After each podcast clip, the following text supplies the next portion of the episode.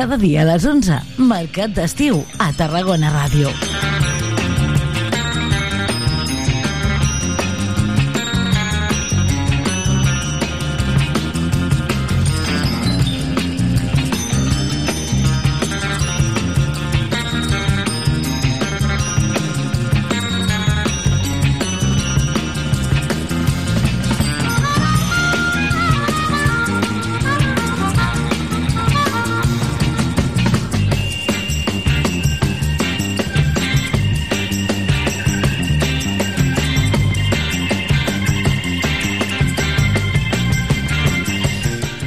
Benvinguts, benvingudes a una nova edició del Mercat d'Estiu. És la sintonia de Tarragona Ràdio, és el 96.7 de la freqüència modulada. Si ens escolten a través de la manera més tradicional i analògica d'escoltar la ràdio, també ens poden escoltar a través d'internet, a tarragonaradio.cat, a la TDT i a les aplicacions mòbils. Com us deia, una nova edició, la d'aquest dimarts ja d'aquesta setmana, del Mercat d'Estiu.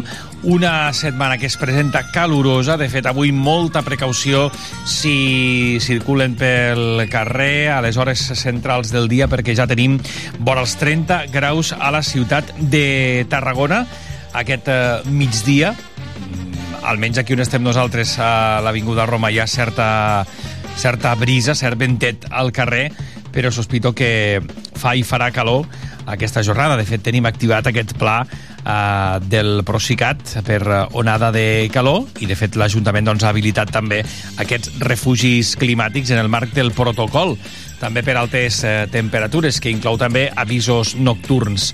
De fet, en parlarem de la calor, del protocol i de què n'opinen els eh, tarragonins i les tarragonines d'aquests refugis climàtics que s'han habilitat també per aquest episodi, perquè de seguida marxarem cap allà. No serà l'únic contingut d'aquest programa, perquè també estem en plena campanya d'eleccions eh, generals el proper diumenge, el 23 de juliol, per tant encetarem, per tant encetarem també el bloc d'entrevistes polítiques aquesta setmana, des d'avui i fins eh, divendres com us deia, als diferents continguts del mercat d'estiu. Un mercat d'estiu que continua, evidentment, tot i la calor, i que de seguida us presentarà els continguts d'avui amb Joan Andreu Pérez a la producció, amb Núria Cartanyà, amb Judit Trilla, amb Martina Arenós, amb el Joan Maria Bertran de la part tècnica i amb qui us parla el Miguel González. Les 11 del matí i 3 minuts. Fem sumari.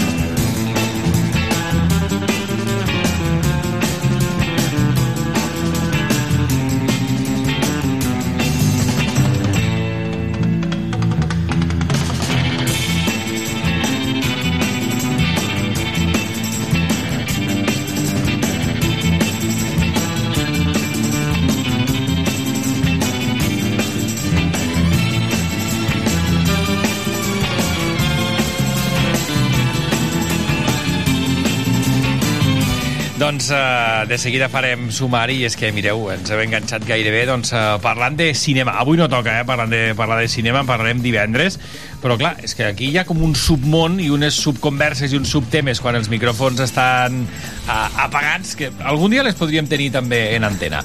Judit Trilla, bon dia. Bon dia. Martín Arenos, bon dia. Bon dia. És que ens posem a parlar del Mario Casas i del cinema i de les pel·lícules de Netflix que són prou dolentes. No deixa que ens pari, eh? Exacte, i, i després passa, passa el que passa.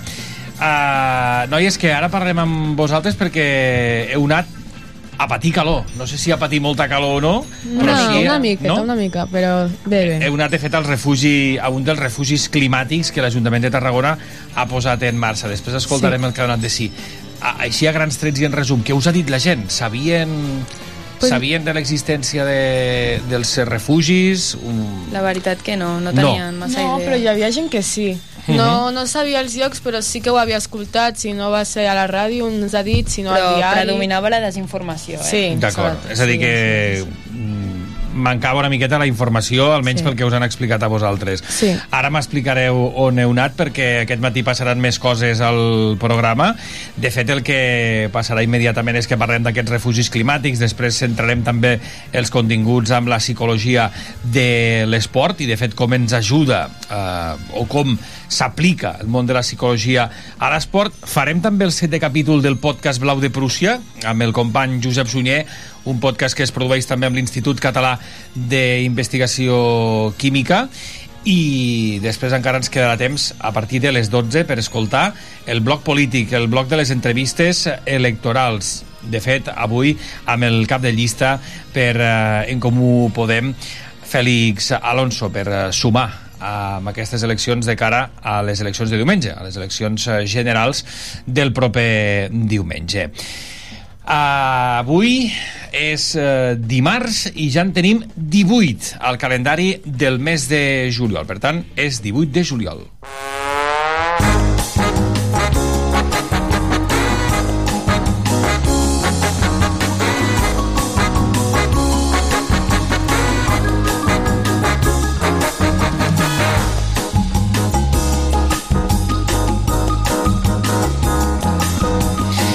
Avui, que és el Dia Internacional de Nelson Mandela.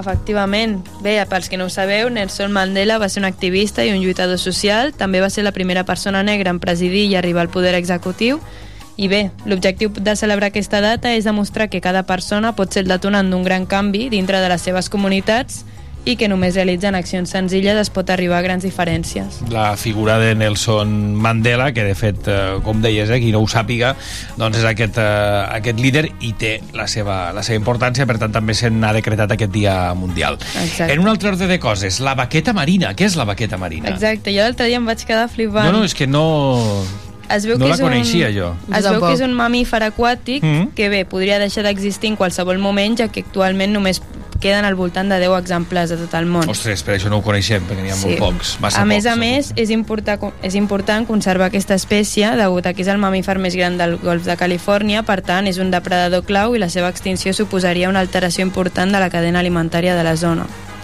Uh, suposo que, com sempre, visibilitzar-ho, no? fer visible la seva existència i almenys explicar aquesta, doncs això, que n'hi ha molt pocs al món. És una mica l'objectiu del Dia Mundial, no? Exacte, hem de donar visibilitat, sobretot per xarxes socials o per on puguem donar visibilitat. Uh -huh. uh, no sé si escoltem molt. De fet, aquí a la ràdio, això de l'escolta no, ha d'anar molt lligat. És un És mitjà, important. evidentment, audible no? I, i basat en l'àudio, perquè avui també és el Dia Mundial de l'Escolta. Exacte. Aquest dia es celebra per reflexionar sobre com afecten els sons a la nostra vida quotidiana i la importància que tenen aquests.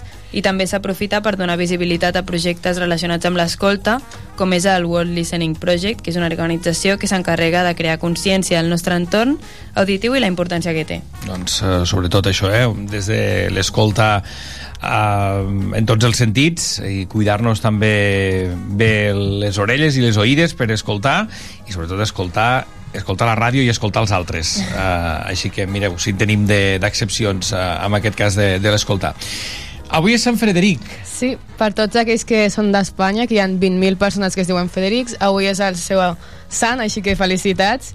I el seu... Ara m'imagino un Sí. dinar de Frederic, saps allò que fan? Eh, dinar de, o, o trobada de les persones que, sa, que, es, que porten de cognom Arenós, per exemple, o, o Trilla, no? O González. No, no, de- Poquetes, eh, jo crec. N'hi haurien, buah, d'Arenós González, hi haurien 10. González sí, no? Però, sí. però Arenós més poc, no? Més poca, més sí. poca. Sí, sí. Bueno, per si ho volen saber, el seu origen és germànic i vol dir príncep de la pau i a aquestes persones els atribueixen característiques com que són tranquils, simpàtics i ingeniosos. Ah, mira. Sí. Ah, això creieu que va lligat? És a dir, si tu dius Martina o si tu dius Judit, això et caracteritza d'alguna manera? O què? Home, s'intenta, però no crec, no la crec, veritat. jo No, sincerament no crec. No sé si coneixeu... Ah, clar, això caldria comparar-ho. Mira, conec una altra Martina o conec una altra Judit que Clar. té característiques similars a mi o, o pues no. jo diré que no, eh? Bé, Vinga, doncs anem amb persones que van no, néixer no. tal dia com, com avui. Qui va néixer tal dia com avui de l'any 1985? Sí, avui fa 38 anys Chase Crawford, que per qui no ho sàpigui és un actor nord-americà conegut per la sèrie de Gossip Girl que va interpretar Nate i bueno, va participar també a sèries com Glee i The Voice i bueno, ha estat nominat cinc cops als Teen Choice Awards. Molt bé, Sí, doncs sí. Uh, li donem també la felicitació a, amb ell que compleix 38 anys. Uh, I també, una, És- miqueta, una miqueta abans, uns anys abans, naixia El, Zapataki. Exacte. És una actriu espanyola, en part ha fet altres projectes de modelatge, per exemple, i es va caracteritzar per sortir a Fast and Furious, a Thor, Love and Thunder i en projectes espanyols com Hospital Central i Los Serrano.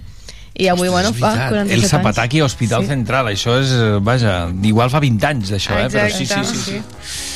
Ha, ha treballat, com deies, amb altres, no? A model, com a Sí. model i amb altres... Sí, ha sortit en revistes com Glamour o Cosmopolitan, per Mhm. exemple. I el 1967 naixia un altre actor. Sí, Vin Diesel, superfamós als Estats Units, que va, és el que interpreta Dom Toretto, si ho he dit bé, perquè no ho sé, a les pel·lícules de Fast and Furious i també ha participat en projectes com Guardia, Guardianes de la Galàxia. Doncs suposo que ho has dit bé i confio perquè no, et puc, Sí. no, no he vist les pel·lícules, no sóc fan de la saga, però, però bé, si, algú, si ho hem dit malament, doncs segur que ens saben, que ens saben disculpar. Tal dia com avui ens deixava Jane Austen. Exacte, fa 206 anys va morir la novel·lista britànica Jane Austen, que és considerada actualment un, una de les... Un, espera, en, va ser una, considerada actualment una novel·lista dels clàssics de la novel·la anglesa Mhm. i bueno, les seves obres més conegudes han sigut Orgullo i Prejuicio i Mujercitas, per exemple. Doncs sí, eh, evidentment que una coneguda i, i, i reputada novel·lista, com dèiem, clàssica. Uh, noia, si us sembla, comencem escoltant música, perquè avui, de fet, la música l'heu escollit vosaltres. Sí, esperem que us agradi. A veure, amb què comencem, Joan Maria? El, a veure si, Ah, aquesta si ho identifico. A veure, a veure, a Aquesta l'ha veure. posat la Judit. Sí. Ostres, Jones, Judit, presenta-la perquè de moment no la identifico. Sí, aquesta cançó es diu Stargirl Interlude, que és una col·laboració entre The Weeknd i Lana del Rey. Ole. Sí, sí, que en dos dies me vaig al concert i estic així. Vas al concert? Sí, sí. A on? boja. Estic a... A on, a on vas? A Barcelona. A Barcelona. Sí, sí, ja us explicaré. Dijous? Dijous, exacte. Sí, sí. Divendres ens fas la crònica, eh? Sí, sí, vindré el divendres morta, però bueno, no passa res. Haurà pagat la pena. Sí. Escoltem uh, música amb The Weeknd i Lana del Rei i després ens anem amb la Judit i la Martina als dels refugis climàtics.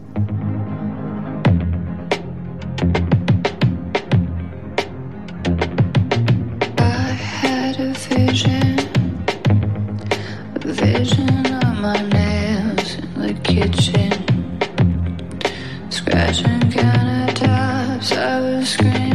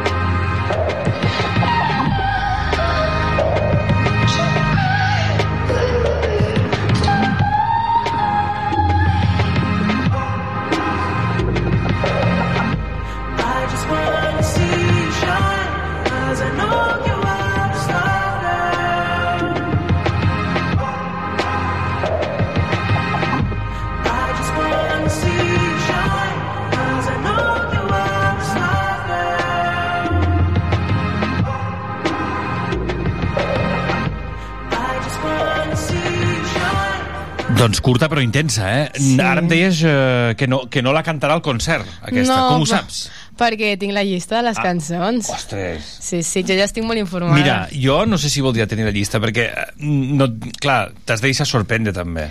I Ja, si fa bueno. alguna que no està a la llista? Algun bis o Crec alguna... que sí. Crec que lo típic de que fan, que canten alguna molt famosa però que no està a la llista. Aquesta podria ser o no?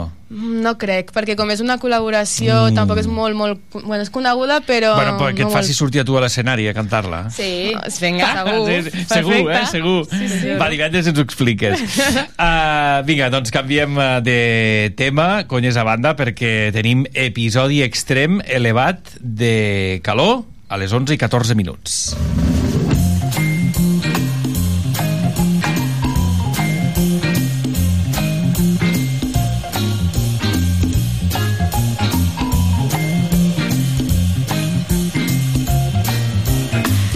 29 graus de temperatura ara mateix, entre els 29 i els 30 va variar en aquest termòmetre i és que Protecció Civil de la Generalitat activava l'alerta per calor intensa, molt intensa aquest dimarts a partir d'aquest matí i de forma generalitzada a tot el país. L'Ajuntament de Tarragona presentava aquest dilluns el nou protocol per episodis de calor i també el mapa de refugis climàtics.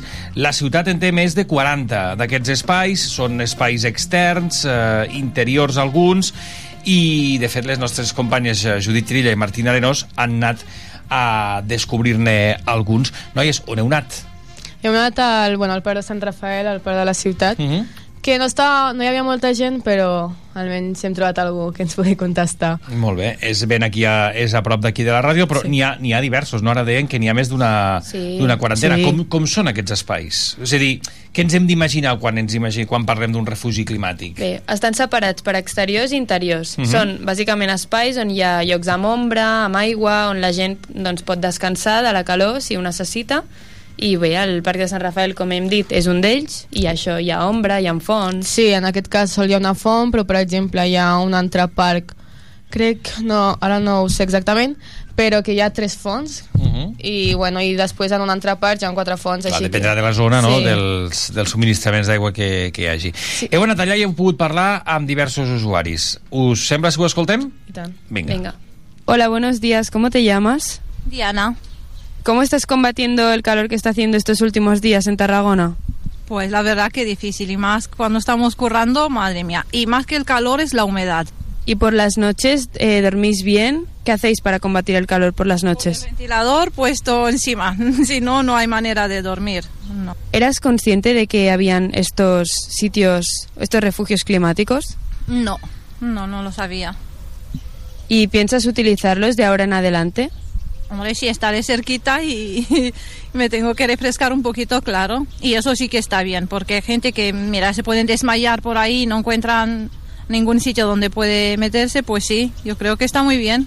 Et volíem preguntar com estàs portant aquests últims dies la calor que està fent.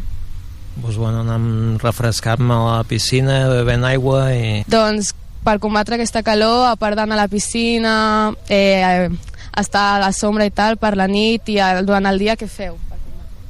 Pues estar a la sombra i, i no ficar amb el sol, sobretot això. Volíem preguntar-te si eres conscient d'aquests refugis, si sabies d'això. si vaig sentir alguna per la ràdio, sí. I n'has utilitzat algun cop d'ells? No sé on estan concretament, no...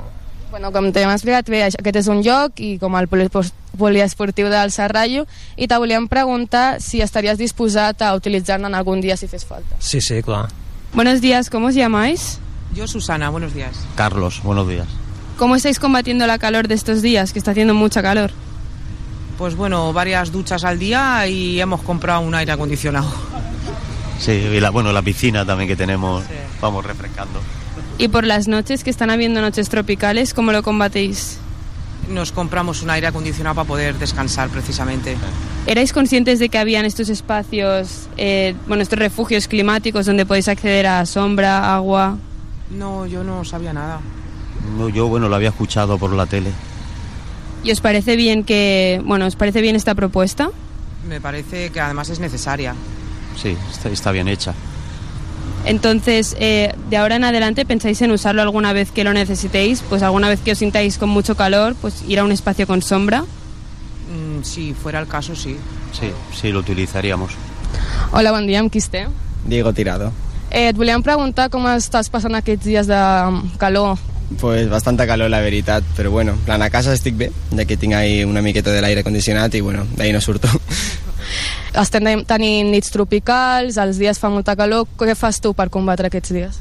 Doncs, bueno, normalment em poso el ventilador o estic una miqueta a la piscina o vaig a la platja, però sortir així al carrer sobre les 12 com estic fent ara amb pantaló llarg, doncs no, no és la millor idea, però bueno. Eh, bueno, ja tant el Sant Rafa, per exemple, que és un exterior, i l'interior seria el polidesportiu del Serrallo, per exemple, que si et volíem preguntar-te si ets conscient d'aquestes. doncs no, no, o sigui, no tenia ni idea. I te sembla bé? Sents que és coherent aquesta proposta de l'Ajuntament? Eh, doncs sí, bueno, per estar ahí tranquil·let amb ombra i amb aigua està bastant bé. Ah, això de la sequia. I tu els utilitzaries, per exemple?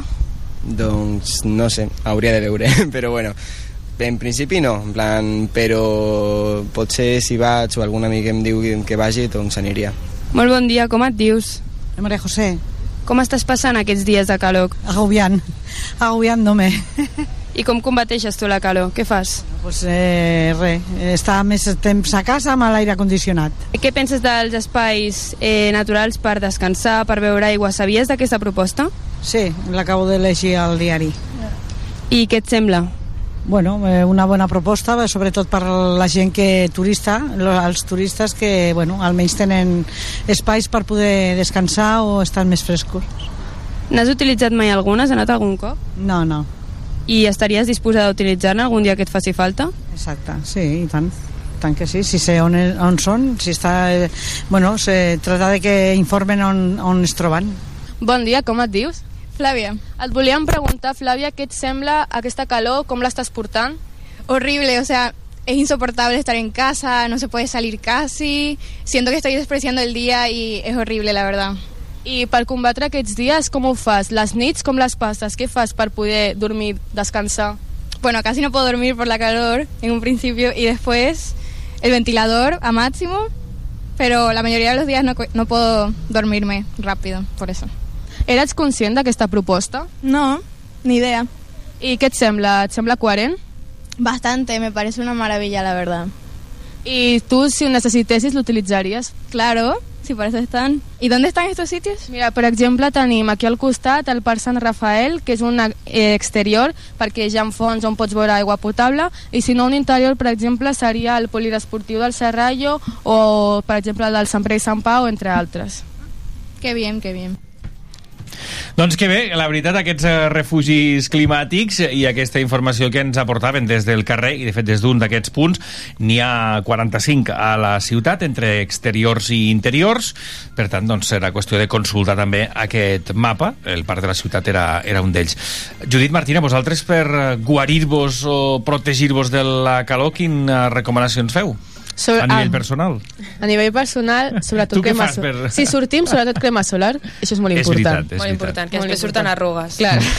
No, no, i, ar- i encara rai, el problema és després les taques, els Sí, càncers de bueno, pell també, i també, aquestes sí. coses. I bueno, i molta aire, molta piscina, molta platja i quedar-te a casa fins les 7 perquè si no, no pots sortir. Piscineta, sobretot. I hidratar-se i sobretot anar bevent aigua, que, Clar. que també és important. Martina Areno, Judit Trilla, moltíssimes gràcies. A tu. Ens retrobem demà amb més qüestions. Que vagi molt bé. I continuem amb la música... Ah, no, no, anem a publicitat, anem a publicitat i de seguida obrirem el setè capítol de la segona temporada del Blau de Prússia, gairebé tancant maleta, tancant motxilla, perquè arriben, per alguns, les vacances d'estiu.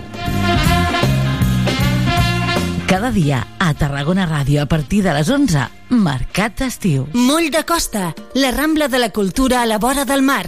Vine i passeja per l'eix de la cultura, del lleure i de l'esport al Port de Tarragona. Hi trobaràs museus, exposicions, teatre, activitats, espais per passejar i fer esport.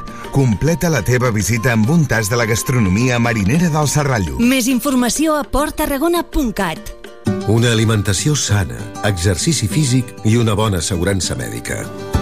A MGC Mútua millorem cobertures i serveis per oferir la millor assegurança mèdica segons els professionals de la salut. MGC Mútua. Inverteix en salut. Informa't en el web mgc.es. Digues, digues, sí. Gaudeix d'un vespre musical sota les estrelles amb Marina Rossell en format sinfònic, acompanyada per la Franz Schubert Filharmonia. Un concert on repassarem les seves cançons més estimades i emblemàtiques el dissabte 22 de juliol al Camp de Marc de Tarragona.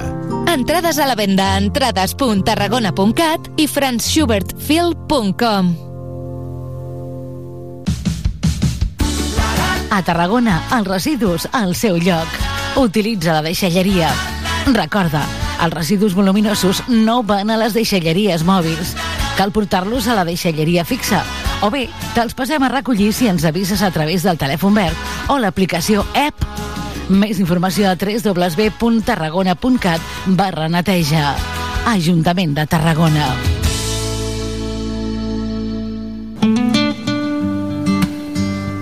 Gaudeix de l'estiu en els restaurants i l'espa que ofereix vora al mar l'Hotel Le Meridien Ra. Descobreix la millor gastronomia mediterrània al restaurant La Terrassa del Mar o les tapes marineres i fresques al Beach Club a peu de platja. A més, relaxa cos i ment a l'Explore Spa de l'Hotel Le Meridien Ra del Passeig Marítim del Vendrell. Reserva trucant al 977 69 42 00 i viu l'estiu a l'Hotel Le Meridien Ra.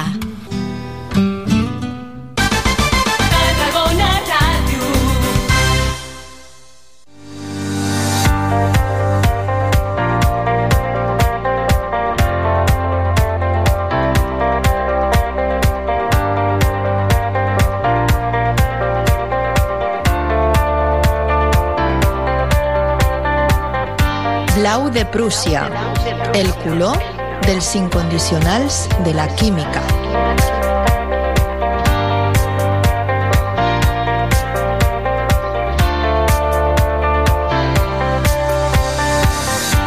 Comencem el setè capítol de la segona temporada gairebé tancant maleta i motxilla. Arriben per fi les desitjades vacances d'estiu. Abans, però, cal prendre alguna decisió i també revisar la farmaciola. No sigui que se'ns mengin les bestioletes que xuclen la sang i fan malbé la salut. Clar que a Tarragona també tenim mosquits de sobres. Estarà la seva activitat relacionada amb la química? També en sobrevolen les eleccions del 23J. I el laboratori, com en política, no és ni barat ni senzill triar candidats en futur. Com s'ho fan els químics per decidir per quina opció prendre partit? Ho descobrirem plegats amb La química que pica, dos mosquits a l'acte. Aquest podcast és una coproducció de l'Institut Català d'Investigació Química i Tarragona Ràdio. Avui buscarem el blau de Prússia amb el doctor Xisco Caldentei, cap del laboratori Celex ICIC HTE, i amb la Laura Lerena, investigadora predoctoral del grup del professor Antonio Chavarren.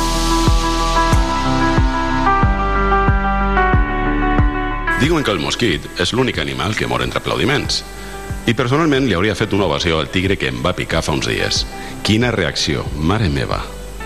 Afortunadament, no tots els mosquits són vampirs, o millor dit, vampireses, perquè normalment s'alimenten de nèctar i saba. Però de les espècies que mengen sang, tan sols piquen les femelles. És així perquè necessiten un munt de proteïnes i aminoàcids per a iniciar la producció dels ous. I ves per on, els glòbuls vermells i el plasma sanguini són uns reservoris d'allò més apetitosos. Més curiós encara resulta com s'ho fan els mosquits per a detectar les seves ingènues víctimes. Perquè diuen que per a evitar les picades és millor portar roba blanca i evitar els colors foscos.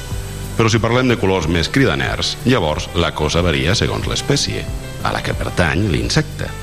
I doncs? Segur que ja us fa l'olor a la resposta a aquesta pregunta, perquè un cop més és qüestió de química. Com moltes mares, les femelles de mosquit tenen un olfacte increïble i detecten des de lluny les plomes de CO2 que emetem al respirar. Però amb la calor suem més i llavors s'activa l'irresistible aroma a ésser humà, que encara les atrau més. Una mescla d'àcids alfa-cetoglutàric, pirúvic i làctic que les ajuda a localitzar-nos ràpidament i són produïts pels indiscrets bacteris de la nostra pell. Si a sobre li sumem les essències florals de molts cosmètics i substàncies com la ciclopentanona, present en moltes fragàncies, ja tenim una idea més clara de per què piquen més a determinades persones. Però deixant a un costat les picades i el perill que suposen com vectors de transmissió de malalties mortals, com ara la malària, la febre groga, el dengue o les encefalitis, els mosquits són un model d'eficiència i economia, no tan sols són rematadament bons detectant-nos i picant sense que ens adonem, sinó que, més, amb la seva sofisticada trompa, succionen entre 2 i 4 microlitres de sang per picada. És a dir, una quantitat molt gran en relació al seu pes, però gens important per als anfitrions. I a banda, resulten fonamentals en la cadena tròfica com a aliment per a altres espècies.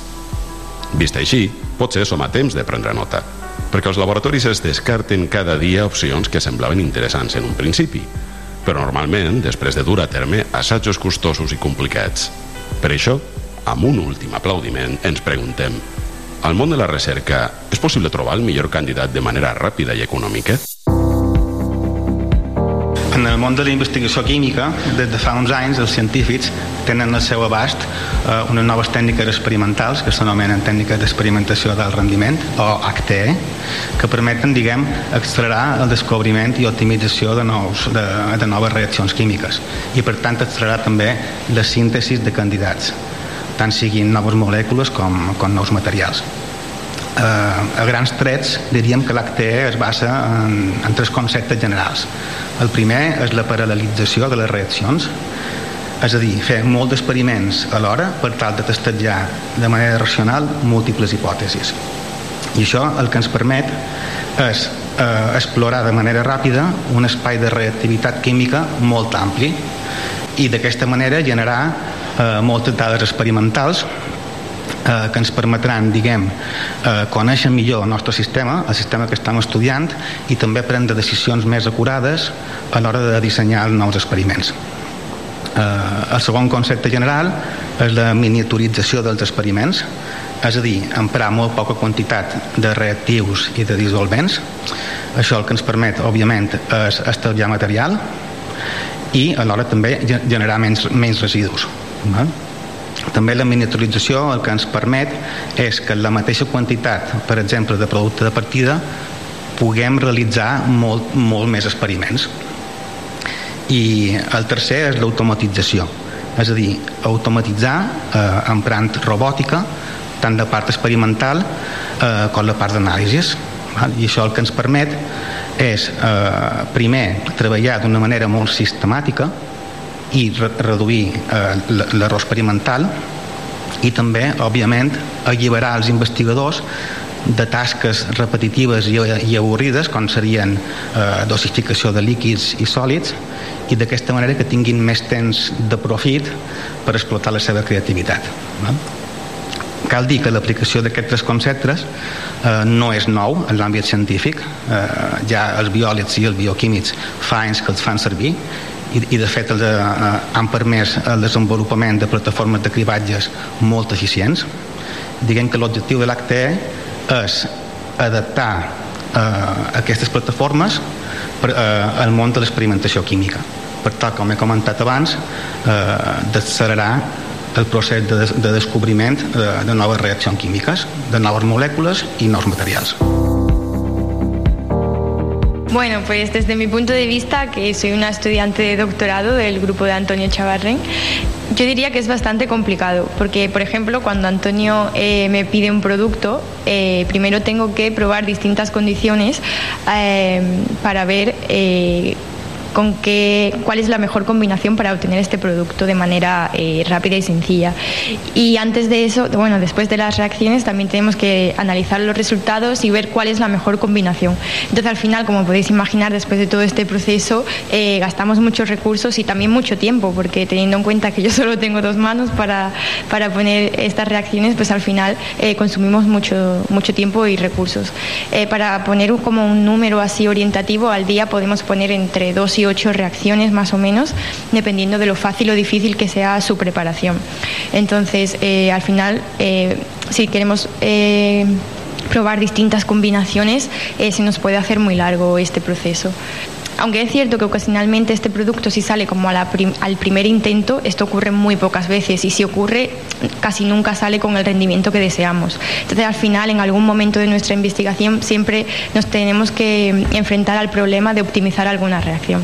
Entonces eh, desde mi experiencia en la investigación diría que es muy complicado obtener el mejor candidato de forma rápida y sencilla.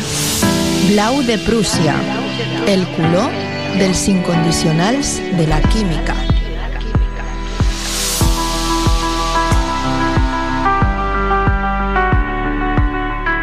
Eficient, econòmic i ràpid. Dit així, sembla un eslògan dels anys 80, com ara el de l'insecticida que des de llavors mata ben morts els mosquits. Però el cert és que en aquells dies va tenir lloc una revolució semblant en els laboratoris de química mèdica, amb l'arribada dels mètodes d'alt rendiment. Per primera vegada, es van poder obtenir en paral·lel una gran quantitat de compostos actius, tot i que obtinguts amb les mateixes condicions de reacció, realitzant, a més, un cribatge selectiu dels més adients en dianes terapèutiques de manera ràpida i eficient.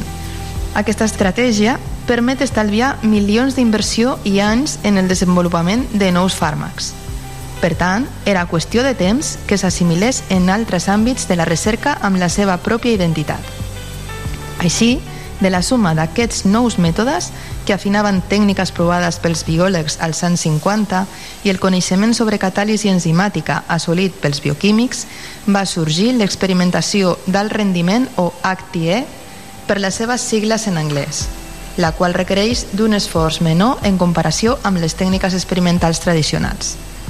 En comptes de dur a terme els experiments l'un darrere de l'altre i anar provant diferents condicions de reacció un cop analitzades les dades del primer experiment, amb l'HTE es prova la mateixa reacció química en microescala i condicions diferents d'una tacada, disposant en paral·lel molts tubs de reacció que seran analitzats amb instruments molt sensibles, com ara els cromatògrafs de d'alt rendiment acoblats a espectròmetres de masses que dèiem al capítol de les masses.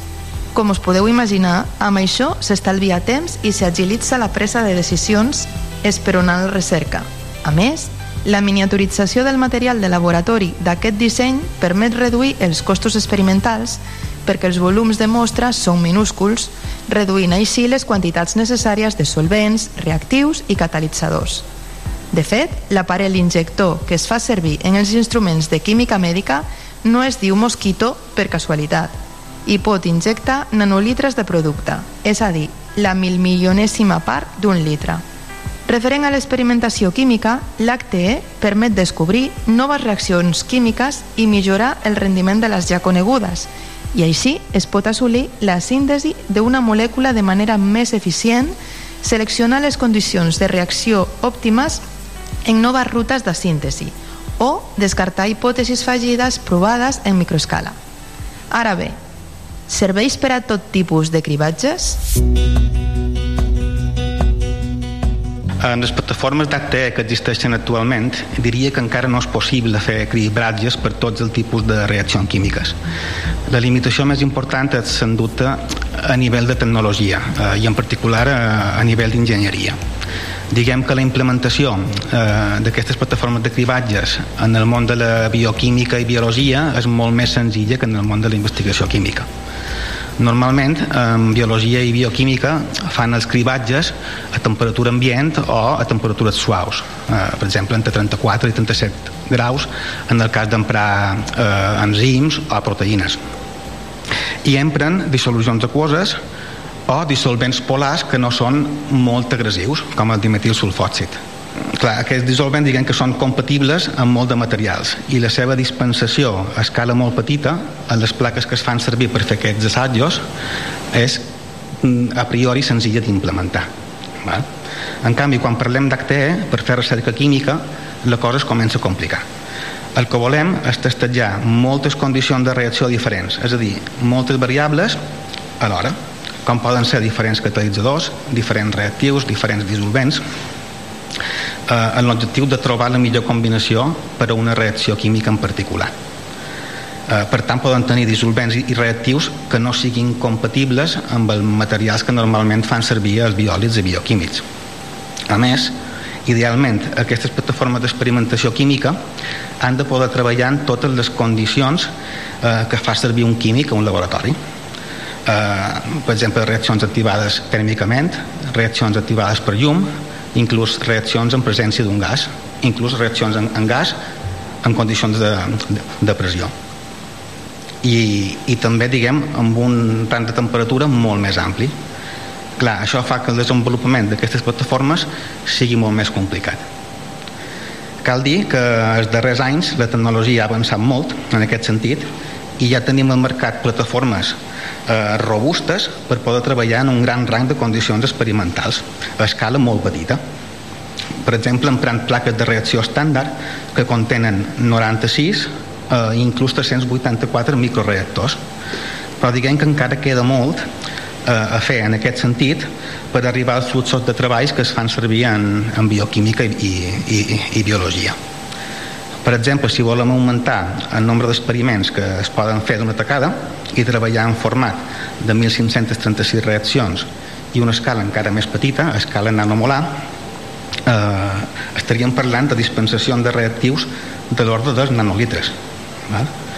Eh, I amb 1.536 posicions diferents. Clar, òbviament, això manualment no ho podem fer i els robots eh, actuals que s'empren per dispensar aquestes quantitats tan petites són robots que han estat dissenyats eh, per al camp de la biologia i bioquímica com és el cas del, del mosquito que comentava Israel va? Eh, clar, això fa que aquests robots encara no siguin molt flexibles a l'hora de treballar en dissolvents i reactius que s'empren sovint en un laboratori d'investigació química. Una aproximació eh, per abordar aquesta limitació i que sembla que està donant bons resultats és adaptar o redissenyar la metodologia sintètica per tal de que aquests robots que poden dispensar aquestes quantitats tan petites puguin treballar bé. Eh, això implica treballar amb un rang limitat de reactius i dissolvents orgànics de punt d'ebullició alt. Ah, clar, perquè si tenen un punt un, un punt d'ebullició baix, en un no res se- s'evaporarien. Va?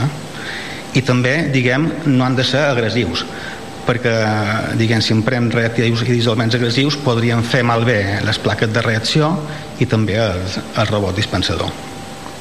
Per tant, aquesta aproximació, des del meu punt de vista, també limita, en certa manera, l'espai de reactivitat química que, que volem explorar, ja que no poden fer servir eh, determinats reactius i dissolvents eh, que es fan servir normalment a un laboratori de química.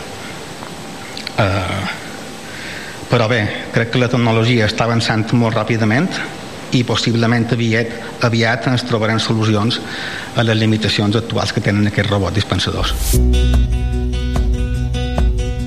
Eh, Esta pregunta creo que Chisco la puede responder mejor que yo, que es más experto, pero bueno, desde donde llega mi conocimiento, yo diría que sí, que valdría para la gran mayoría, eh, porque bueno, podemos manejar tanto sólidos, líquidos e incluso gases, que eh, compañeros de mi grupo sí han utilizado esta técnica usando el acetileno, que es un gas. Así que para la mayoría diría que sí, por buscar alguna limitación, igual la temperatura, porque es cierto que no se puede como calentar cada reacción individual, sino que toda la placa iría a la misma temperatura, pero bueno, siempre podríamos hacer como distintas placas a distintas temperaturas y variar así eh, eh, este factor, pero bueno, en general creo que valdría para la mayoría, sí.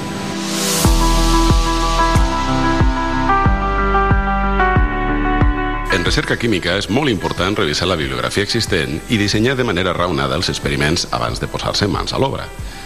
I això encara té més sentit quan s'aplica una metodologia tan versàtil i detallada com l'ACTE, on es disposen matrius de mostres en paral·lel, preparades en microescala i analitzades de manera robotitzada. Alguns parlen fins i tot d'una veritable filosofia del disseny d'experiments.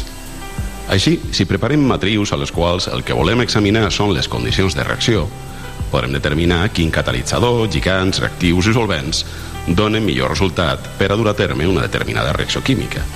A més, seria possible aplicar aquest resultat tant a un pas de la síntesi com a la síntesi sencera si parlem d'una molècula complexa. I tot plegat ajudarà a resoldre molts reptes de la química farmacèutica i de materials. Una sinergia robotitzada.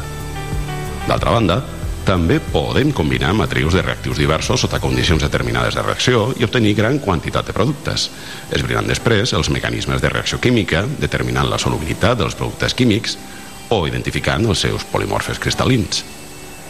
L'experimentació del rendiment s'aplica també en el camp de la fotoquímica, ja sabeu, el de les reaccions químiques activades per la llum. I per això també dona joc en l'àmbit dels combustibles solars i els microreactors fotocatalítics. De fet, el professor Julio Lloret Fillol i la doctora Carla Casadevall, que ens van acompanyar fa no gaire, junts amb el doctor Xisco Caldentell, són coautors d'un capítol específic publicat per l'American Chemical Society dins d'un volum dedicat a aquesta temàtica. Sembla que l'ACTE ha estat tota una revolució, oi? Doncs agafeu-vos bé, perquè som als portes de sistemes encara més eficients. Com no podia ser d'altra manera, ja comencen a processar-se amb intel·ligència artificial les dades generades per ACTE. I el machine learning s'aplicarà a poc a poc també als plans de síntesi i al disseny d'experiments. És a dir, arriba l'experimentació química d'ultraalt rendiment. Si els cribatges en paral·lel de milers de compostos actius, anticossos i fins i tot gens que es duen a terme en biologia i química mèdica van revolucionar el desenvolupament de nous fàrmacs i teràpies, i l'ACTE ha permès resoldre problemes sintètics d'allò més enrevessat, què n'aconseguirem amb l'ultraacte? Canviarà l'ACTE la manera de fer recerca? És difícil saber si una nova tecnologia tindrà un impacte global i canviarà la manera de fer recerca dels científics. I, i, i no només eh, per l'HTE, sinó també per altres tecnologies potencialment disruptives com és l'intel·ligència artificial. De fet, eh, diuen que estem a les portes d'una revolució tecnològica en aquest sentit. La intel·ligència artificial ja està revolucionant molt de camps i amb un impacte directe a la societat. I ens trobem ara en un moment que, que aquesta tecnologia es comença a emprar en el món de la investigació química. Eh, ja sigui eh, per predir reactivitat química, per predir propietats de noves molècules i materials i també per accelerar la seva síntesis. Però una de les limitacions per aplicar aquesta te tecnologia, per exemple, en l'àmbit de la síntesi química, és la manca de dades adequades, la manca d'accés a dades experimentals i també el biaix d'aquestes dades, que sovint es trobem a les publicacions científiques, on els investigadors solen reportar només les condicions òptimes o els productes que són compatibles amb la metodologia que han reportat. I per tant diguem que no tenim un mapa complet de l'espai de la reactivitat química, que és el que es necessita per crear algoritmes d'aprenentatge automàtic fiables. En aquest sentit, l'HTE pot ser una eina molt útil per generar grans quantitats de dades tant siguin bones com mals resultats, és a dir, sense cap tipus de biaix, d'una manera estandarditzada per l'objectiu d'alimentar aquests algoritmes d'aprenentatge automàtic de manera robusta. De fet, aquesta sinergia eh, HTE i algoritmes d'aprenentatge automàtic ja s'està començant a veure en articles científics i també inclús les empreses comencen a implementar-la. I ja es veuen els primers exemples on l'aplicació d'aquestes noves tecnologies permeten accelerar el procés de descoberta de nous fàrmacs i nous materials.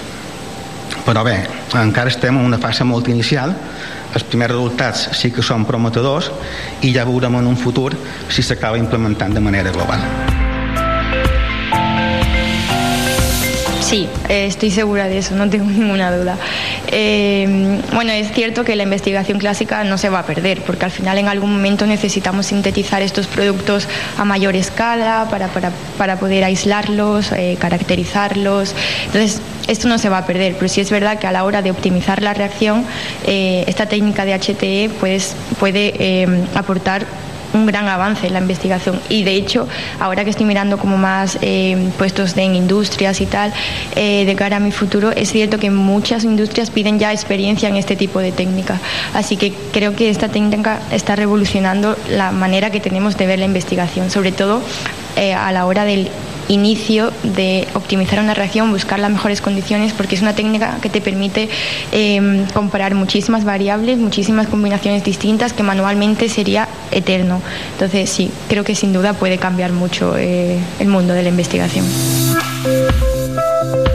Uh, jo sóc el cap d'unitat del laboratori d'ACTE de l'ICIC i el que fèiem és donar suport als investigadors del centre en l'aplicació d'aquestes tècniques en l'objectiu d'accelerar diguem, els seus projectes de recerca.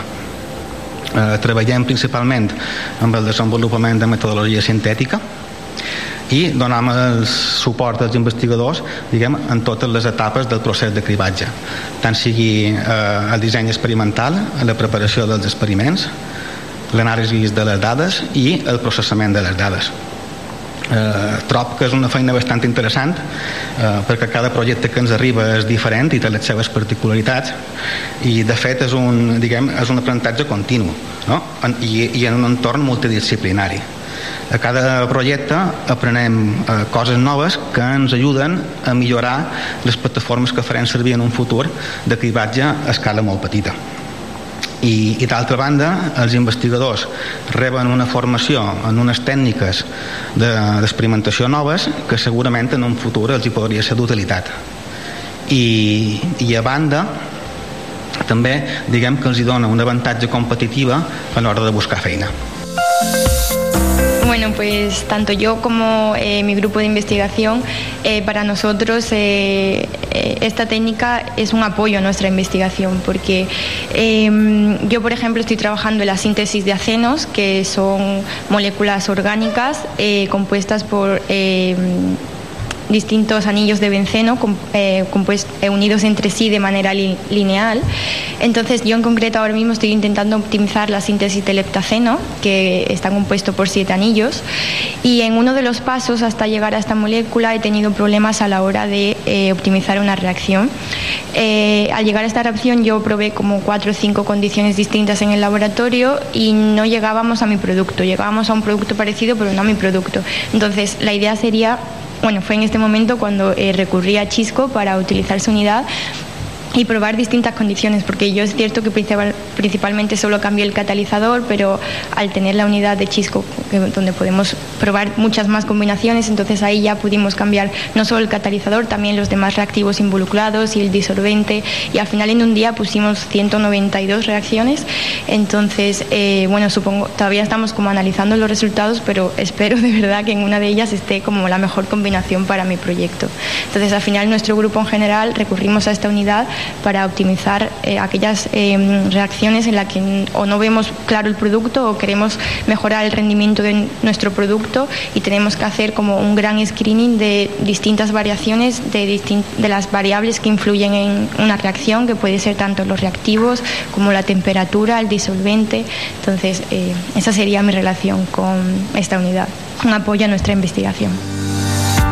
Blau de Prússia, el color dels incondicionals de la química. Avui hem parlat de mosquits i de com aquests insectes se serveixen de la nostra química per xuclar la sang de l'anfitrió més convenient. També m'apareix que gràcies a la metodologia d'experimentació del rendiment és possible trobar els millors candidats quan volem trobar un lligam químic un antibiòtic o fins i tot teràpies contra les malalties del futur. Ara sabem que quan es tracta de mostres biològiques i de química mèdica, el robot que punxa les mostres és l'injector mosquit i que potser la ciència i la tecnologia inspirats en aquesta bestioleta ens portaran més beneficis que picades. Marxem desitjant-vos un bon estiu i unes bones vacances, però tornarem també al setembre amb més temes interessants del món de la química. Aquest podcast l'han fet possible Laura Hernández i Rael Macho per part de l'ICIC, Lluís Comas a la part tècnica, Andrés Tejedrà a la realització audiovisual i qui us ha parlat, Josep Sunyer, per part de Tarragona Ràdio. Marxem, però abans recordeu sempre el que us diu la Laura. El Sabeces cyaneus és un insecte iridiscent que viu a les zones boscoses tropicals del continent americà. Amb el seu cos ple d'escates de color verd i blau metal·litzat i les seves potes porpres, diuen que es tracta del mosquit més bonic del món. Però segur que també és dels més empipadors, perquè té predilecció pels nassos dels éssers humans. Curiosament, l'oli del xiprer australià blau ofereix una certa protecció contra els mosquits mossegadors. Potser podem millorar-lo fent servir l'injector Mosquito i Lactee. Llavors tindrem el repel·lent més bonic del món d'un color blau, de Prússia, o no? Aquest podcast és una coproducció de l'Institut Català d'Investigació Química i Tarragona Ràdio.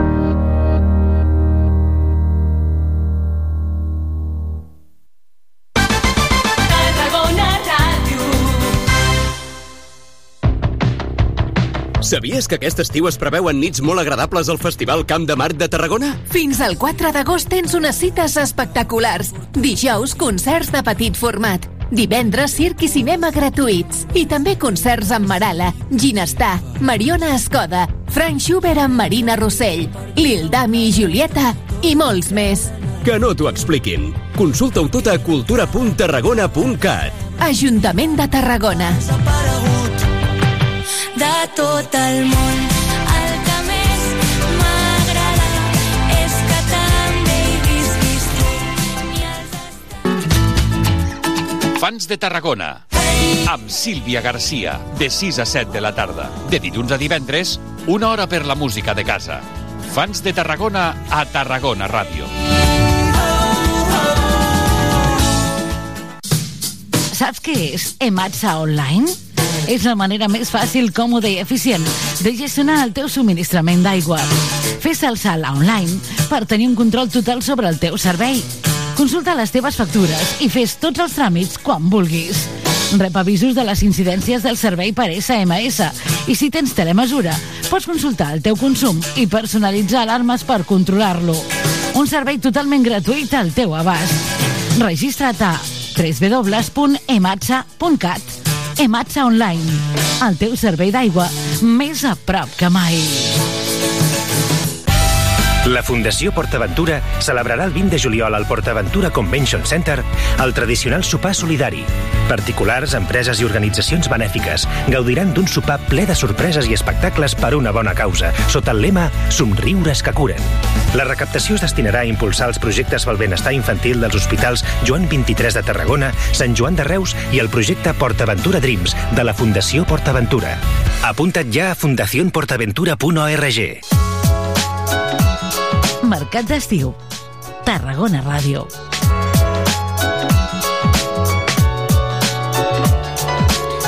I al Mercat d'Estiu continuem amb algunes de les col·laboracions, amb alguns dels espais eh, que fem, per exemple, amb l'àrea de promoció de la salut de l'Ajuntament de Tarragona i avui també amb la col·laboració amb el Col·legi Oficial de Psicologia de Catalunya a Tarragona. Volem parlar amb eh, el Vicenç Ralull, ell és psicòleg de l'esport i coordinador del grup de treball de psicologia aplicada a l'activitat física i a l'esport de la Delegació Territorial de Tarragona del Col·legi Oficial de Psicologia de Catalunya. Vicenç Ralull, molt bon dia.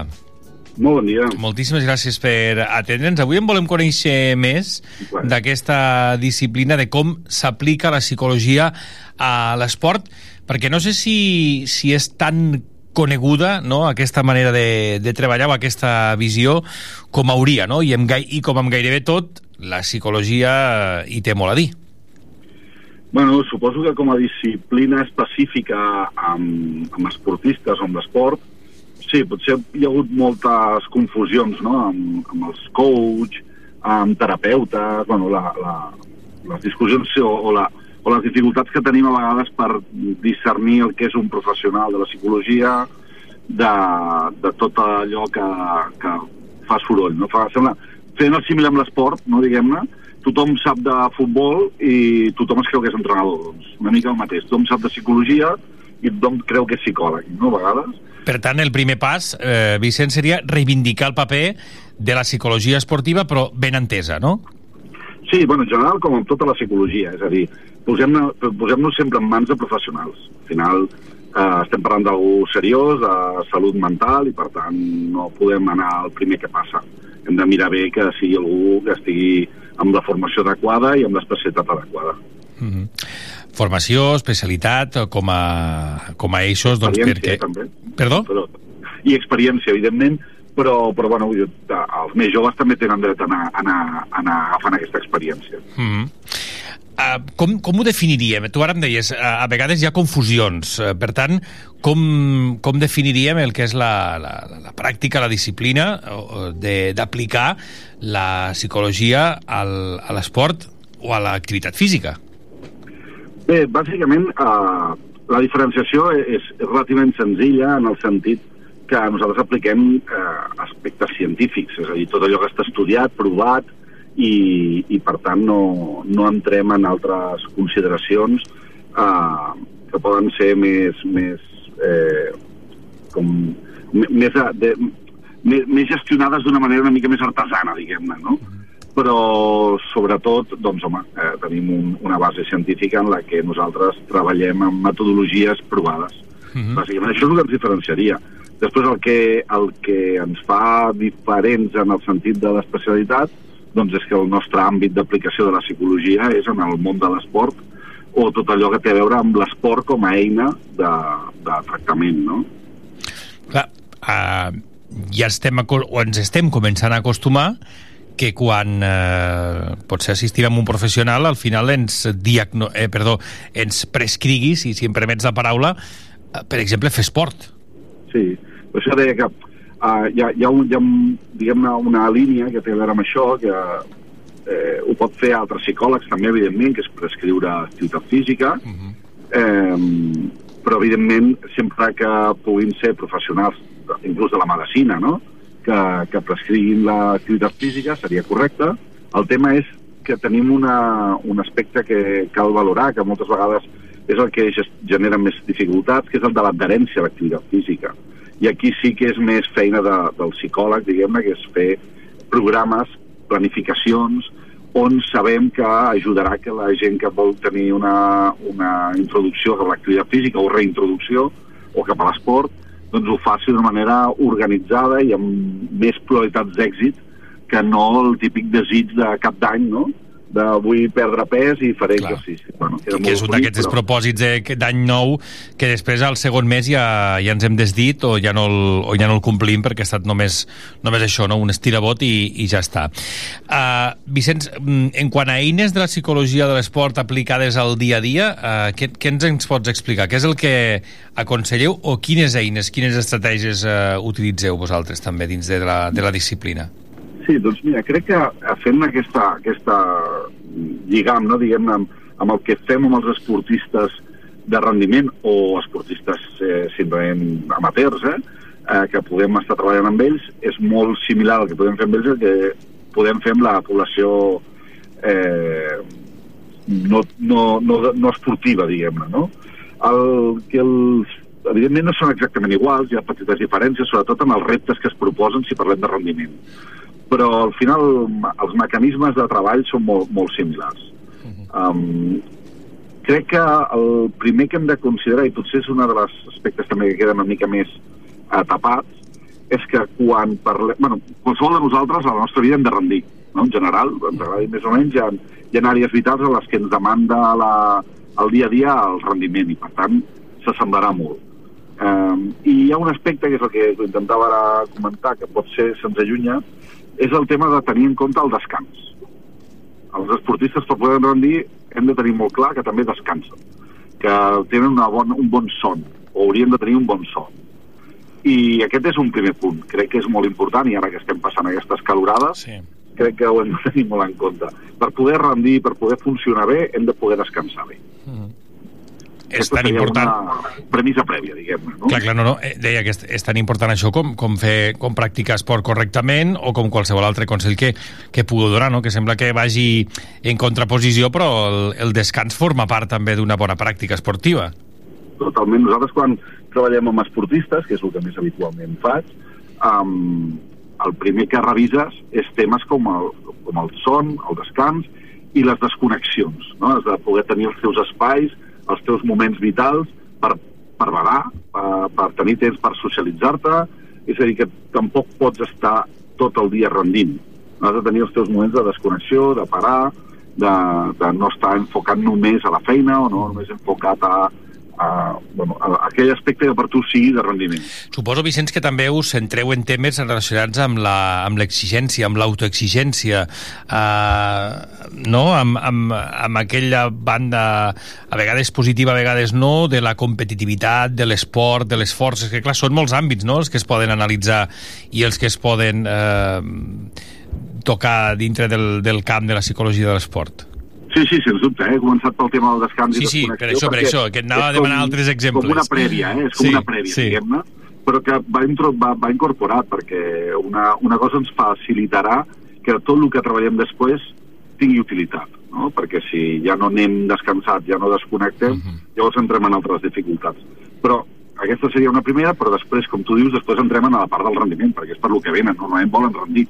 No, no et venen perquè no, perquè no vulguin rendir.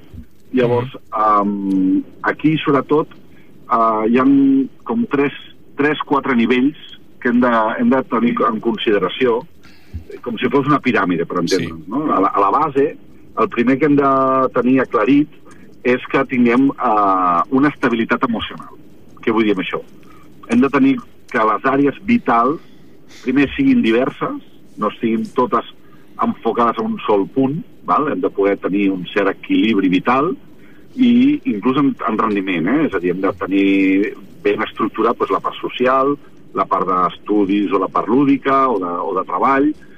En el cas dels esportistes el treball habitual ja no és, ja no és una àrea perquè és el propi esport el que és el, el treball, no? però si ho portéssim a la gent que no és esportista de rendiment, doncs hauríem de tenir en compte doncs, que estigui amb certa estabilitat a nivell de feina, a nivell personal, a nivell social, és a dir, tenir aquesta estructura aclarida, diguem és el primer, la primera base, no? tenir una certa estabilitat emocional. Que, I si no, abordar la dificultat que estigui, que estigui tenint. No?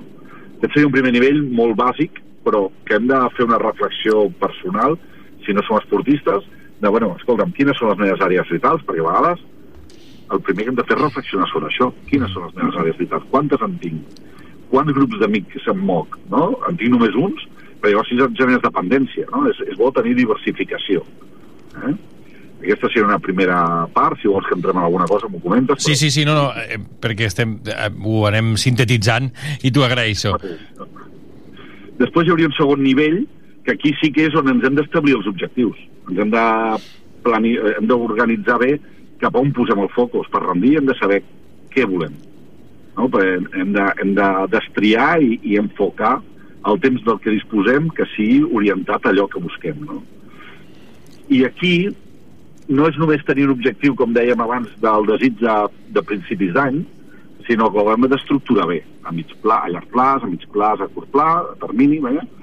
Um, i després que siguin objectius realitzables, un punt ambiciosos, no? Um, i, i, I el més medibles possible, Mm -hmm. que puguem veure que evolucionem correctament, per poder planificar-ho, que seria el segon nivell. No?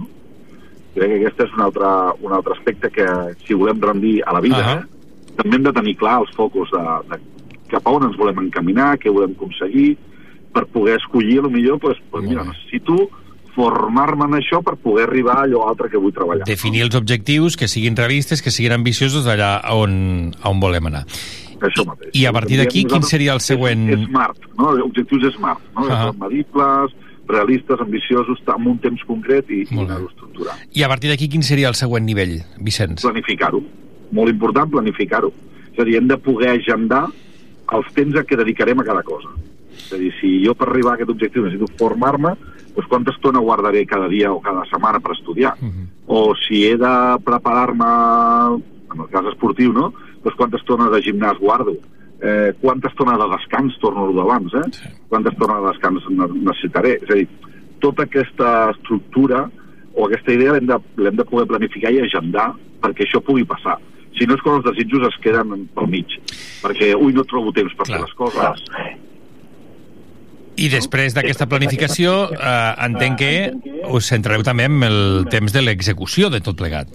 Clar, llavors aquí ve una, un aspecte que podríem incorporar en aquest tercer nivell igualment, que té a veure amb l'autoavaluació que hem de fer. És a dir, no només em proposo un objectiu, sinó després he de medir-lo, no? Hem de saber si l'estic aconseguint, fins a on l'estic aconseguint. Molt important, diria inclús de cara a la vida, no ser, diguem-ne, de blancs o negres o de sí o no, sinó quan he millorat, no si ho he fet, perquè les coses tenen un procés, no són automàtiques. Llavors, m'he de saber eh, regular per no caure en, en, en, la, en la desesperació, la desesperança de no ho he aconseguit avui. No, no passa res. És un caminet que hem d'anar progressant poc a poquet a poquet, no? Per tant, valorar que estic millorant. I això jo sempre intento treballar-ho tant amb esportistes com no esportistes, amb lligar-ho amb una, amb una tècnica molt senzilla, que és tenir un llistat de les teves fortaleses, d'allò que ja fas bé. Perquè tendim a veure només els problemes i a no recordar o no refrescar o no dedicar temps a veure tot allò que sí que ja sabem fer. Que aquí, I aquesta llista hauria d'anar augmentant a mesura que anem aconseguint microobjectius d'aquest objectiu general. De manera que som conscients i fem consciència de progrés, de millora i, per tant, autoestima, autoconfiança, i és una petita eina molt senzilla que ens pot ajudar a no veure-ho tot catastròfic. Uh, Vicenç, com que ens quedem sense temps i et demano disculpes, uh, No, bueno. aniríem cap, a, cap als finals de, del nivell per saber quina és la, la darrera, no? el, el, el final d'aquesta piràmide i, i ho deixaríem aquí, tot i que ja t'emplaço a que en continuem parlant perquè, perquè realment eh, és, és un tema interessant, però, però ho hem de- d'anar deixant aquí. Digues. Bueno, l'últim l'últim nivell és el de l'afrontament de les situacions de repte. És dir, tenim tendència a mirar les coses, podem fer-ho de dues maneres, o veure-ho com un repte, és a dir, què vull aconseguir, què vull millorar, o veure-ho com una amenaça, tots els problemes que creiem que poden passar abans de fer-ho, no? I, aquest, I aquesta és una feina que amb, el- amb la psicologia i psicologia de l'esport treballem moltíssim, que és com afrontar les situacions de, de repte, no? Posant foco, sobretot, en allò que depèn de nosaltres, la nostra àrea de control. no en tot allò que pot passar, sinó allò que puc jo, allò que puc construir jo perquè això vagi millorant. No? I normalment ho lliguem també amb rutines. Sé que ho he de fer molt ràpid, però el tema de tenir rutines, sí. tenir hàbits vitals, és a dir, estructura, perquè sigui més fàcil complir-ho. Doncs Vicenç, ho deixarem aquí, però ens ha agradat molt conèixer com treballeu també i quines són no, una miqueta les, uh, les premisses, els diferents nivells d'aquesta escala. N'hem parlat amb el psicòleg de l'esport i coordinador del grup de treball en psicologia aplicada a l'activitat física i l'esport de la delegació a Tarragona del Col·legi Oficial de Psicologia de Catalunya, el Vicenç Ralull. Vicenç, moltíssimes gràcies i també per la Moltes feina que feu. gràcies a vosaltres. Gràcies, bon dia. Sí, per quan vulgueu. Ara el que farem és anar directament a la publicitat i després tancarem aquest mercat d'estiu, com farem habitualment aquesta setmana a partir de les 12, amb el bloc d'entrevistes polítiques. Diumenge com, eh, finalitza aquesta campanya electoral, vaja, finalitzarà divendres, però diumenge, eleccions del 23 de juliol. De seguida en parlem. Continguts fresquets del dia i entrevistes quilòmetre zero a Mercat d'Estiu a Tarragona Ràdio. Moll de Costa, la Rambla de la Cultura a la vora del mar. Vine i passeja per l'eix de la cultura, del lleure i de l'esport al Port de Tarragona. Hi trobaràs museus, exposicions, teatre, activitats, espais per passejar i fer esport. Completa la teva visita amb un tas de la gastronomia marinera del Serrallo. Més informació a porttarragona.cat. Una alimentació sana, exercici físic i una bona assegurança mèdica. A MGC Mútua millorem cobertures i serveis per oferir la millor assegurança mèdica segons els professionals de la salut. MGC Mútua. Inverteix en salut. Informa't en el web mgc.es. Sabies que aquest estiu es preveuen nits molt agradables al Festival Camp de Marc de Tarragona? Fins al 4 d'agost tens unes cites espectaculars. Dijous, concerts de petit format. Divendres, circ i cinema gratuïts. I també concerts amb Marala, Ginestar, Mariona Escoda, Frank Schubert amb Marina Rossell, Lil Dami i Julieta i molts més. Que no t'ho expliquin. Consulta-ho tot a cultura.tarragona.cat. Ajuntament de Tarragona. de tot el món.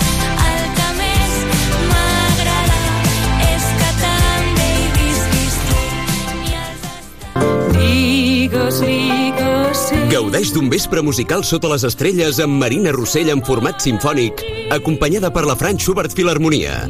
Un concert on repassarem les seves cançons més estimades i emblemàtiques el dissabte 22 de juliol al Camp de Marc de Tarragona. Entrades a la venda a entrades.tarragona.cat i franzschubertfil.com.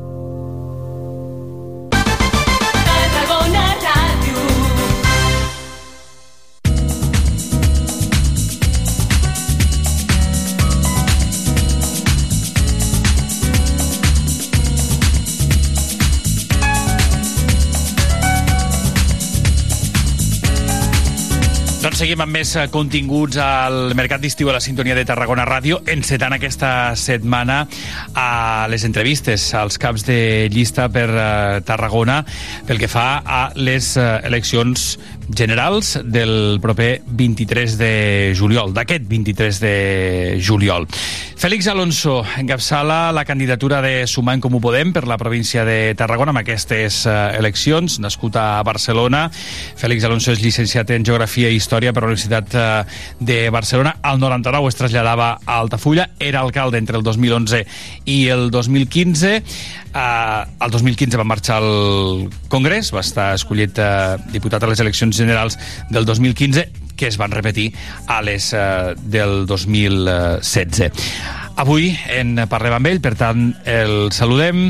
Fèlix Alonso, molt bon dia. Bon dia, moltes gràcies. Moltíssimes gràcies a, a vostè per acompanyar-nos. Um, opcions de tornar al Congrés després de ja haver-hi estat, com ara, com ara dèiem, si es eh, repeteixen els darrers resultats, vostè tornarà a la Càmera Baixa. No únicament, jo espero, a més, guanyar més. O sigui, estic convençut que els resultats seran molt millors que fa 4 anys. Per tant, el que esperen de- d'aquests comicis del 23 de, de juliol, Sí, clar, és sortir un altre cop com a diputat provincial i lluitar allà el que ja vaig fer durant quasi quatre anys al Congrés, doncs continuar fent-ho. Crec que vaig fer una bona feina, la gent m'ho reconeix i per tant continuar, continuar, perquè moltes vegades les coses es queden allà. Eh? Moltes vegades no tenim la suficient repercussió i jo crec que aquesta feina eh, honestament crec que la vaig fer bé i és repetir-la, repetir-la en, les circumstàncies actuals, que els problemes alguns continuen igual, però altres han variat i han variat en alguns casos per millor i en altres per pitjor. Ara no anirem parlant de tot plegat. Vostè parlava a l'inici de la campanya, deia que es defensaria la pell per defensar els interessos de la demarcació de Tarragona, defensar els consumidors, eh, per exemple, també enfront dels eh, abusos, reivindicava també que és un honor formar part d'aquest projecte eh, confederal que, que aposta pel bé comú com és eh. Com ha anat l'inici de campanya? Com s'està desenvolupant aquesta campanya que finalitza doncs, eh, això ja a finals d'aquesta setmana? Bueno, la veritat és que primer molt bé, tenim una, recep una receptivitat per part de la gent, jo crec que molt positiva, molt positiva, la gent coneix a la Yolanda, a la Yolanda Díaz, alguns em coneixen a mi i estan molt il·lusionats perquè diuen, ostres, és que mai hem tingut una ministra de Treball que hagi fet tant per la gent treballadora i per les, les capes populars. Per tant, hi ha una receptivitat molt positiva i per una altra banda sí que m'ha sobtat aquesta, aquesta campanya electoral en referència a les altres que he viscut perquè, per exemple, eh, no hem tingut un debat electoral i això em sembla molt greu, em sembla una falla democràtica, perquè entre altres coses jo ni tan sols conec els altres candidats, i si jo no els conec, a lo millor tampoc els conec la ciutadania. Crec que això moltes vegades es queixem, i jo soc el primer en queixar-me de que eh, el, el bar barcelonocentrisme i el, o, o, o el madridcentrisme, i resulta que nosaltres també som con contribuïdors a aquesta situació. Per què? No sé, doncs jo penso que algú tindria que haver organitzat un debat per posar les coses de Tarragona a sobre la Tarragona, Tarragona i Terres de l'Ebre. En canvi, això no s'ha fet. El fet de no haver fet això no ajuda a mitigar, a paivagar aquesta sensació que no sé si vostè la té o li han traslladat de, de certa desafecció política pel que fa a aquestes, eleccions, aquestes eleccions del 23J, unes eleccions ja uh, estranyes, en ple mes uh, d'estiu, uh, on s'ha mirat, on s'ha mirat moltíssim el tema del vot per correu, s'ha parlat molt de la possible abstenció que hi ha, com ho percep vostè? Jo, jo so, sempre so, he estat optimista. A més, crec que en la vida s'ha de ser optimista, perquè si no ets optimista, el millor que pots fer és plegar. I aleshores, jo crec que els resultats i l'extensió no serà tanta com en algun moment en un principi n'hi havia. És cert que als partits de la dreta li interessa que n'hi hagi abstenció, però jo crec que els, nosaltres estem, estem motivant a la gent, crec que els darrers, eh, de, la darrera setmana de la Yolanda Díaz ha estat molt forta, de la Ina Vidal també, crec que jo també estic fent una campanya molt, molt, molt propera, molt de, de proximitat, i crec que això també anima la gent. Sí que és veritat, que el que et deia abans, no? que me faltaria una miqueta més de caliu dels mitjans de comunicació, però clar, els mitjans de comunicació feu el que podeu també. Aquestes, aquestes coses amb les plantilles que tenim, que són reduïdes, etc etc, pues, les coses no són fàcils. Entonces, això això s'ha de comprendre i s'ha d'entendre, però jo ja et dic, no, no, no estic eh, especialment preocupat per l'extensió, perquè estic convençut que al final la gent sap el que s'està jugant. Jo vinc, ja ho has dit abans, vinc de les Balears i sé que la situació que ens pot esperar, si en el cas suposat que guanya la coalició PP-Vox, eh, pot ser molt dolenta per Catalunya, però sobretot per tota la ciutadania. Jo vinc d'allà, de les Balears, i el primer que han fet és carregar-se, diguem, el català, la immersió lingüística, el segon que han fet és, és posar un negacionista eh, en el Consell de Mallorca en Medi Ambient, Medi Ambient en el propi govern se l'ha encarregat, aquesta és la realitat. O sigui, estem posant negacionistes al capdavant dels nostres governs, negacionistes de la violència masclista, negacionistes del, del canvi climàtic i després negacionistes amb la nostra cultura i amb la nostra gent. Li preguntaré també més endavant pel que pot, eh, pel que pot passar i pel que suposarà això que comenta, però parlem ara de prioritats que es marquen eh, vostès pel que fa a la defensa d'interessos eh, tarragonins. Eh, S'ha invertit suficientment a la, a la darrera legislatura a, a Tarragona i quines serien les línies mestres o, o els eixos en els que el seu partit eh, centra la campanya pel que fa a Tarragona, senyor Alonso? Nosaltres, nosaltres eh, sobretot, volem ser eh, una, una esperança de, de present i de futur. I, per tant, estem plantejant canviar el país. I canviar el país, això significa possiblement 10 anys. Però el que hem fet durant aquests 4 anys ha estat molt, molt positiu. Però no ens hem de quedar amb això, hem de buscar anar més enllà. Aleshores, les inversions que s'han fet a Tarragona, si no recordo malament, malament, aquest any ha estat de 300 milions, no està tant el problema de lo que es posa després en uns pressupostos. Jo he negociat els pressupostos i he aconseguit moltes coses per a Tarragona, però després s'han d'executar. I aquesta és la diferència entre tenir un diputat provincial o tenir una persona que va allà a passar a, a fer un bulto dins d'un grup parlamentari molt gran o molt petit. Nosaltres anem a lluitar per les coses que són de Tarragona i per tant aquests 300 milions, en el cas suposat de que l'any que ve siguin 300, siguin 200 o siguin 400, sigui el que sigui, nosaltres un a un els mirarem, perquè moltes vegades, insisteixo, es posen partides que ja són de principi irrealitzables perquè les coses mm, tenen, i això passa molt als diputats que no tenen experiència política, jo tinc eh, l'experiència d'haver estat 8 anys a un ajuntament dirigint l'alcaldia d'Altafulla i sé perfectament quines són els plaços perquè les coses es puguin fer. O sigui, tu no pots plantejar que d'avui per demà pots construir una via de ferrocarril perquè una via de ferrocarril dura 10-15 anys per fer-la. Aleshores, m'és igual que me posis 2.000 milions perquè ja saps des del principi que això no es farà. Per tant, molta rigorositat a l'hora dels pressupostos i molta exigència. I això és el que hem fet i continuaré fent Uh, parlava de trencar aquesta centralitat política de Madrid i Barcelona. Quin paper de jugar Tarragona a partir del, del 23 de juliol? Tarragona, clar, suposo que perquè sóc d'aquí, però per, per a mi Tarragona és, és un element eh, fonamental. Primer pensem, és que moltes vegades tenim un- una miqueta de complexa. No, no, no ens autoestimem, eh? no tenim suficient més d'estima. Sempre estem pensant en el que diu Madrid o el que diu Barcelona. I, desgraciadament, massa el que diu Barcelona. Jo crec que en aquests moments, la, el que és la, la, dins de l'Euroregió mediterrània, Tarragona té una potencialitat brutal. Pensem, pensem que som la segona àrea metropolitana més important de Catalunya. I això vol dir que té un port molt important, vol dir que té un aeroport que és Reus, té, té lògicament el que és l'estació del Camp de Tarragona desconnectada, però tenim l'estació del Camp de Tarragona, i després tenim eh, que som un element fonamental de l'eix del Mediterrani i dels transports.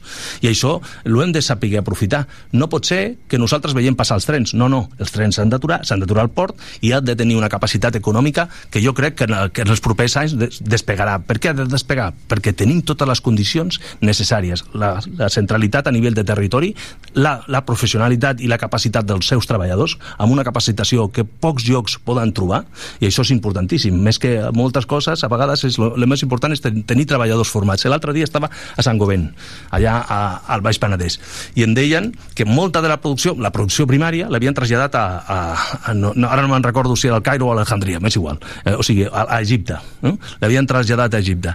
I jo els deia, i per què no traslladen l'altre? I ho deien una cosa molt clara, molt senzilla, el mateix que passaria amb la SEAT o el mateix que passaria en altres llocs, perquè la gent no està formada i, per, i perquè a més de no estar formada diguem, la indústria complementària no dona suport a aquestes sortides. Per tant, nosaltres tenim un element fonamental que a més tenim que compartim. Un joc privilegiat.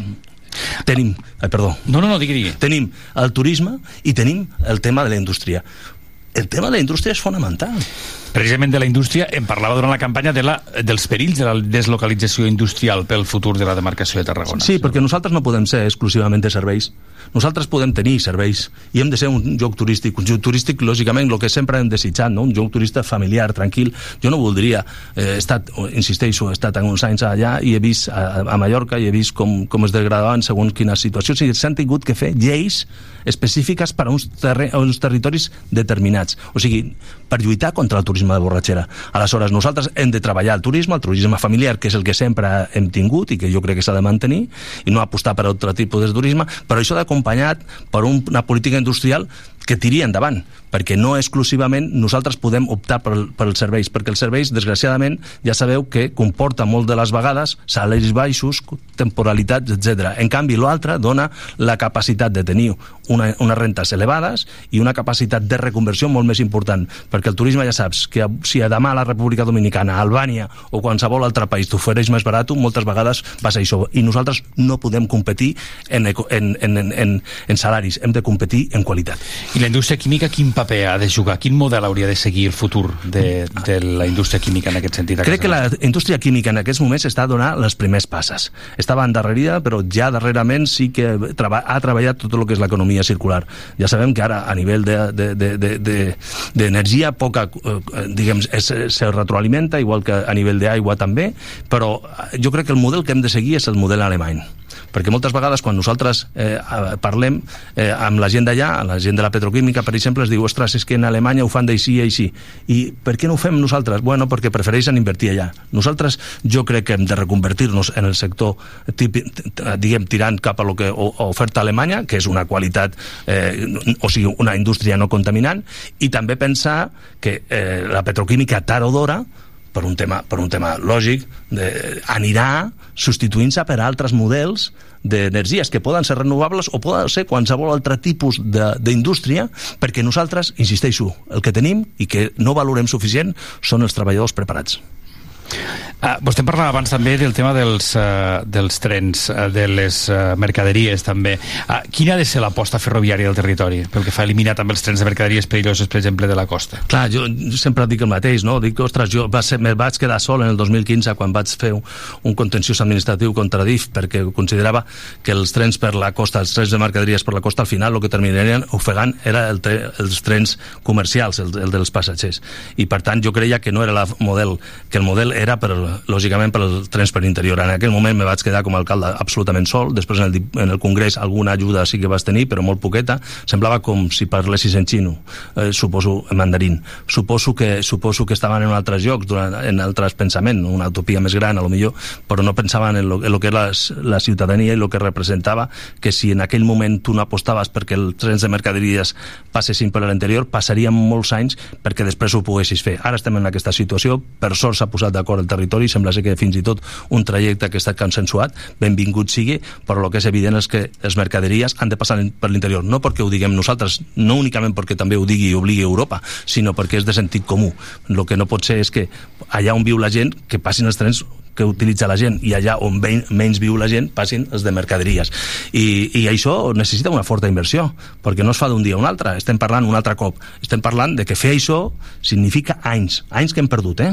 hem perdut mm -hmm. I, que, i que a mi me sap greu perquè jo des de ja fa molts anys estava dient que això era un element prioritari perquè si nosaltres volem que el port que l'aeroport, que la indústria química que totes les indústries que se desenvolupin en el nostre sector han de tenir sortida fe- ferroviària perquè si no tenim sortida ferroviària i en aquest cas també marítima estem perduts I el model de Rodalies? El model Rodalies, a veure, la gestió la té la Generalitat. Moltes vegades ens oblidem de que nosaltres gestionem els horaris i, la, i, les, i les freqüències. Sembla ser que sempre tenim la, la tendència a pensar que ho fa tot malament els de fora, eh, o els de Madrid, el que sigui. No, nosaltres tenim responsabilitats. I en aquests moments jo me dono la sensació que moltes vegades és més fàcil criticar que fer el que te toca fer, executar la, la part que te correspon. Crec que Rodalies en aquests moments està patint molts anys de desinversió, el que et deia abans, que les inversions, encara que s'hagin fet eh, aquests da- darrers quatre anys, eh, tard triguen en, en fer-se efectives. I, a més, mentre s'estan fent les obres, això genera una situació mm, complicada, perquè mentre hi ha obres, doncs els trens circulen malament. I, però el que no pot ser és el tema del manteniment. El tema del manteniment en el que és Adif i Renfe és un problema. I per què és un problema? Per una cosa molt senzilla, perquè entre altres coses no tenim personal. O sigui, Adif, recordo jo que la, una de les preguntes que feia molt sovint i deia quan es farà el, el tema de, de, de l'ampliació de personal, tant Adif com Renfe tenien plantilles mm, que ma- majoritàriament, ara no me'n recordo el percentatge, majoritàriament eren més grans de 55 anys. I el problema és que no n'hi havia relleu. Aleshores, hi ha una, una, una averia i no tens a ningú que te vagi a arreglar, és un problema greu. Al- Aleshores, aquesta és una de les coses que no únicament hem de pensar en convois, no únicament hem de pensar en vies, sinó també hem de pensar en, en, en recursos humans en capacitat de generar valor. I moltes vegades s'oblida perquè ja sabeu que, com són les empreses fins i tot algunes públiques que estan pensant més en estalviar en salaris que no en, en el benefici que aquests salaris o aquesta gent es pot donar a tots. Per tant, està a sobre de les, de les rodalies perquè el que està passant, per exemple avui, avui mateix, avui mateix han arribat malament els, els trens, no sé si és perquè hi ha una vaga eh, convocada o no però el que sí que és cert és que eh, durant aquests dies ha fallat tot el que és la senyalització en l'àrea de Sitges. I això significa que la gent no arriba a treballar o no arriba a, a casa seva. I si nosaltres estem lluitant per treballar, ja saps que una de les propostes que tenim és tre- treballar menys eh, o jornada laboral, el que no pot ser és que si treballem menys jornada laboral, després ens la passem en el tren o en en en l'autobús, on sigui. Per tant, totes aquestes coses s'han de millorar, perquè també també ens diuen, anem de peu, i ens diuen, no tenim aire condicionat, o passem fred, una de les dues coses. A això, això perfectament es podria solucionar fàcilment. Veritat que na- moltes vegades no són tan poc diners, sinó simplement és una bona gestió que desgraciadament la Generalitat no fa. Li pregunto també pel capítol autopistes, peatges, carreteres. Tenim sobre la taula el tema de si la P7 o la P2 han de seguir sent obertes o el tema del coll de l'illa, la 27. Bueno, la, espero que es, vaig marxar del Congrés apretant per l'A27, espero que ja estigui bastant més avançada, però la veritat és que com no surten molts tots dies al diari no sé com va, espero i desitjo que estigui ja a punt, eh, i si no apretaré perquè, perquè es faci. Ja sabeu que nosaltres a més eh, dèiem que l'A27 tenia que acabar a Montblanc, perquè no tenia sentit fer una autovia que continués cap a Lleida, perquè l'autovia és la pròpia AP2, perquè l'AP2 si tu l'agafes molt, si algú l'agafa sovint, algun dels eh, que s'escolta, veu que normalment va buida. O sigui, no té, no té sentit construir paral·lelament una autovia en un lloc que va buida. En referència a l'altra, és una decisió que, eh, el que deies de, de, del pagament per, per, per, per, per utilització, no, no, no, no seria paga, eh, peatges, és, és, lo que, és el pagament per ús que es diu a Europa, D'acord. Mhm. que Europa ho, ho, ho, ja fa anys que està dient que s'ha d'implantar i tard o d'hora eh, buscarà la fórmula. Aquí és un, és un acord de país. Quan jo dic un acord de país, vull dir que aquí no hem de fer mm, politiqueria. Hem de posar-nos tots d'acord de quina és la millor fórmula perquè això sigui així, perquè no pot ser... Jo no sé si tu tens cotxe o no, però ma, ma mare, bueno, ara ja, sí, sí. ja no viu, però vull dir que no té cotxe, pues no, estava pagant igual que nosaltres. Per tant, el que sobretot és important, i jo vaig defensar, ja se'n recordeu que vaig aconseguir alliberar la P7, era per l'agravi comparatiu. O sigui, el que no pot ser és que nosaltres paguem i altres no paguin. I, per tant, sigui el que sigui, ha de ser igual per tots. Parlem d'altres qüestions que afecten eh, el territori. Aquest mateix dilluns hi havia a protestes pel que fa al sector de la imatge personal, perruqueries que interpel·len la classe política per incloure, doncs, de cara a, a les properes eh,